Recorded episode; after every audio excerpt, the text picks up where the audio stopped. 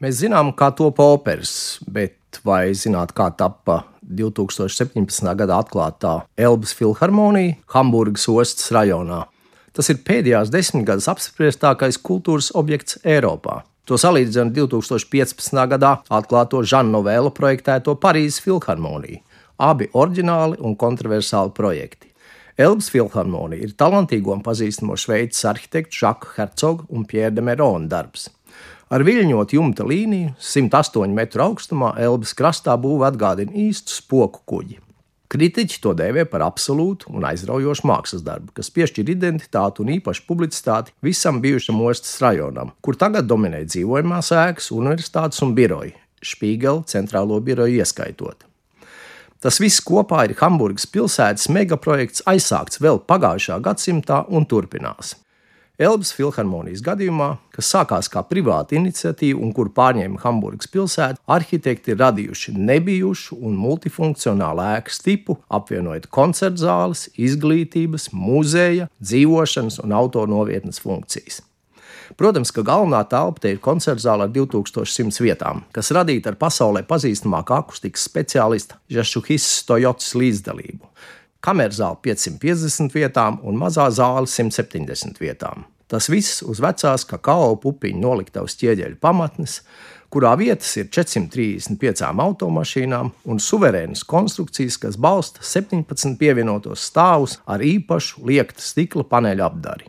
Tur izvietot viesnīca ar 244 standarta istabām un 47 apartamentiem.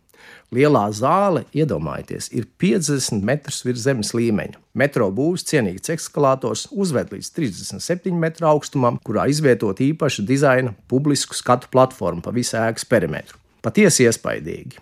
Tāpat kā iespaidīgi ir Latvijas mūziķu Elbas filharmonijā klātbūtne tūlīt pēc atklāšanas koncertiem - Simfonēta Rīga un Latvijas radiokors, kors Latvija, bet visu vainago Ivets apkalns pastāvīgā klātbūtne šajā īpašajā koncertnamā. Viņa izvēlēta par galveno erģelnieci un erģeļu muzikas programmas māksliniecisko vadītāju. Bet vai jūs zinājāt, ka tieši tāpat kā Sidnejas opernama gadījumā, no projekta līdz realizācijai pagāja 14 gadi? Plānots bija divreiz mazāks laiks, un beigās spoku kuģis izmaksāja 865 miljonus un 650 tūkstoši eiro. Bet sākotnējos plānos bija viss veikt par 187 miljoniem. Tad 241 miljonus 2007. gadā, tad 450 miljoni 2008. tad 505 miljoni 212. gadā un beigās 866. Un tas pie viss pie vācu kārtības un ar šveices arhitektiem, precīziem kā pulksteņiem. Paši arhitekti Venecijas arhitektūras bienālas ietvaros 2016. gadā ironizēja, ka preses publikācija kvadrātmetri pārsniedzot pašas ēkas kvadratūru. Un te man nāk prātā Napoleona pazīstamais teiciens, ka tikai sievietes un arhitekti spēj iztukšot valsts kasi. Mēs savu nacionālo biblioteku finanses krīzes apstākļos uzcēlām laikā, sešos gados, un par 4 miljoniem lētāk nekā bija plānots. 182 miljoni tā maksāja, bet nebeidzam to kritizēt. Vācieši divas reizes pārsniedz laika grafiku un piecas reizes pārsniedz budžetu, bet ir bezgalīgi lepni par paveikto un publiski atzīst, ka ieguldījumi bija tā vērti. Kā intervijā Latvijas mēdījiem uzsvēra Elbas filharmonijas intendants Austrietis Kristofs Lībenzeiters, uzceltā ēka ir īpašs sasniegums 21. gadsimta mūzikas būvju arhitektūrā. Tā tiek salīdzināta ar Sidnejas operu, tā ir kļuvusi par visu Vācijas vizuālo simbolu un rosina interesi par klasisko mūziku.